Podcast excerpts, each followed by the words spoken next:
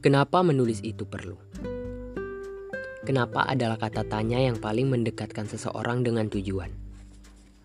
Dengan bertanya kenapa, maka seharusnya kita menjawabnya dengan diawali kata karena.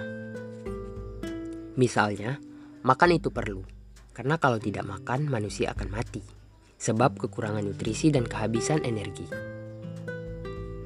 Minum itu juga perlu, karena tanpa minum, manusia bisa mengalami dehidrasi Begitu juga dengan tidur, bergerak, berbicara, dan lain-lain. Tetapi apakah menulis itu perlu? Toh manusia purba yang paling tua tidak pernah menulis. Tetapi mereka masih bisa hidup. Kucing, ayam, dan tikus pun tidak pernah menulis. Mereka juga tetap bisa hidup. Jadi kenapa manusia itu perlu menulis? Nah, sudah bisakah Anda menjawab pertanyaan singkat dan sederhana ini? Biasanya sebelum para tentara terjun ke medan pertempuran, mereka jelas sudah punya misi yang hendak dicapai. Lantas apa alasan mereka ingin berperang? Padahal mereka tahu bahwa berperang itu membahayakan nyawa mereka. Mungkin kita bisa mengambil contoh sederhana dari topik yang sedang ramai dibahas sekarang ini, yakni mengenai serial Netflix berjudul Squid Games. Serial ini berkisah tentang orang-orang yang bertarung atau mengikuti games hidup dan mati demi mendapatkan hadiah uang yang jumlahnya sangat fantastis. Ya, demi uang. Kembali lagi ke pertanyaan awal. Jadi kenapa menulis itu perlu? Satu-satunya jawaban yang paling saya sukai adalah dari seorang pengarang terkenal. Bunyinya begini. You can make anything by writing. Demikian yang dikatakan C.S. Lewis, si pengarang The Chronicle of Narnia. Menurutnya, kita bisa membuat apa pun dengan tulisan. Kita memang tidak mati karena tidak menulis. Namun dengan menulis kita bisa mewujudkan yang tidak mungkin bisa dilakukan makhluk lain di muka bumi.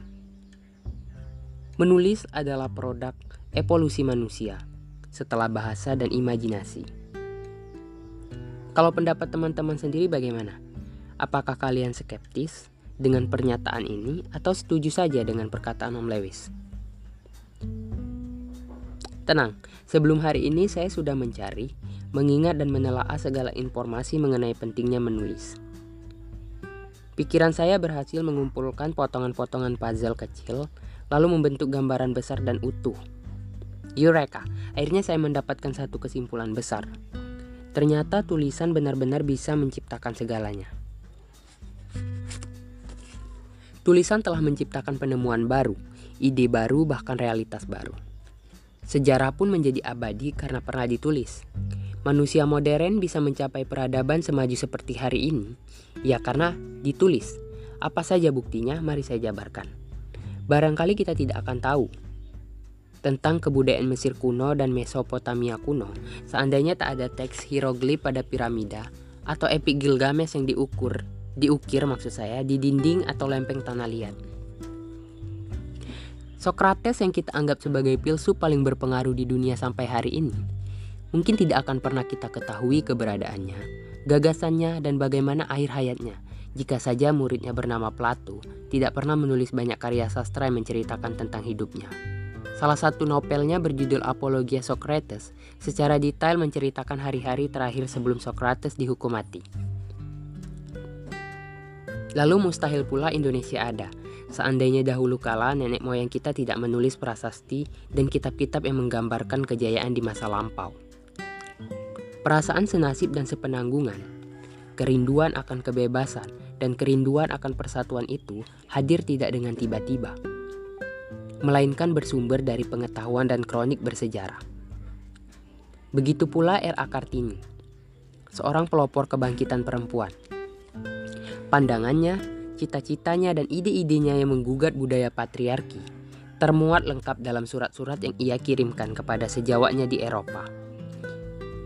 Kumpulan surat-suratnya itu kemudian disatukan dalam buku Dos Dusternis Totslich oleh J.H. Abedanden yang diterbitkan pada tahun 1911 dan diterjemahkan oleh Archmin Pane kembali menjadi Habis Gelap Terbitlah Terang.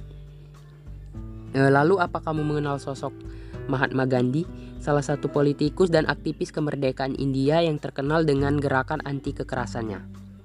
Bagaimana cara ia menggerakkan masyarakat India yang semasa itu terbagi dalam banyak kasta, suku, dan agama? Betul, ia juga rajin menulis. Selain terjun langsung ke desa-desa, Gandhi juga menulis di koran mengenai pandangan-pandangannya yang sangat menjunjung tinggi nir kekerasan. Berkat pengaruhnya juga, Inggris akhirnya menyerah dan memberikan kemerdekaan kepada India. Lain lagi di Rusia. Di Rusia ada juga tokoh yang bernama Lenin.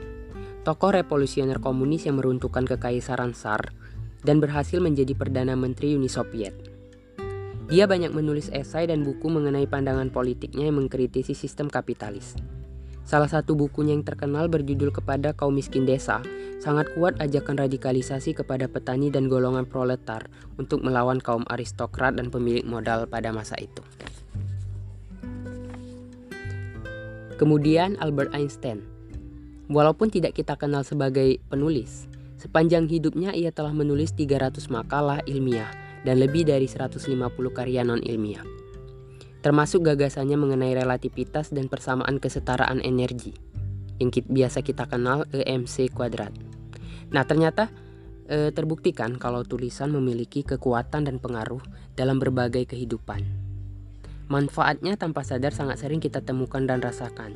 Dalam karya fiksi, e, misalnya karya Multatuli atau Edward Dawes Dekker, maksud saya Edward Dawes Dekker yang berjudul Mac Happeler, itu e, mampu merubah pandangan Belanda pada masa itu yang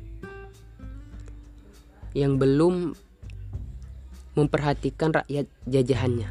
Dalam novel karya Multatuli itu bercerita tentang ketidakadilan pemerintah Belanda terhadap rakyat jajahannya. Kemudian berkat Mark Hepler juga muncul trilogi Pandepenter yang kelak menjadi cikal bakal masuknya pendidikan di Indonesia.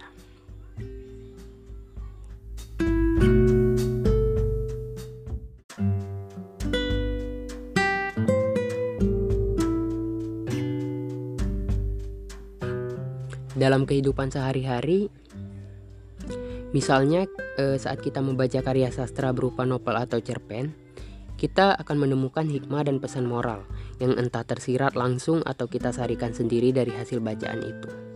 Atau ketika kita membaca buku pengembangan diri pola pikir kita menjadi berubah dan lebih bersemangat serta optimis. Demikianlah kekuatan tulisan. Nah setelah tahu pentingnya tulisan Seharusnya kita tidak lagi ragu-ragu jikalau ingin menulis utamanya fiksi. Kita bisa menciptakan apa saja melalui tulisan kita. Kita bisa menyuarakan kegelisahan, rasa takut, harapan, atau impian yang mungkin belum terwujud. Kita bisa mengalami sesuatu tanpa perlu menjalani kejadian itu sendiri melalui karakter dalam fiksi. Kita dapat memulihkan jiwa yang terluka dengan menulis, entah itu jurnal pribadi maupun fiksi. Kita harus tahu bahwa kita semua sebetulnya bisa menulis cerita. Menulis itu tidak sesulit yang dibayangkan. Menulis bukan bakat eksklusif. Menulis bukan milik segelintir orang. Semua orang bisa menulis. Asalkan, ya asalkan kita bisa membaca. Tiang kedua yang harus dimiliki seorang penulis ialah kemampuan menerjemahkan aksara dalam bentuk kata. Mengapa bukan tiang utama? Sebab Sejak kita lahir, kita sudah dibekali oleh Tuhan Yang Maha Esa sesuatu yang hebat. Sekarang e, muncul pertanyaan di benakmu lagi. Sesuatu yang apakah itu? Mari kita lanjutkan di sesi berikutnya.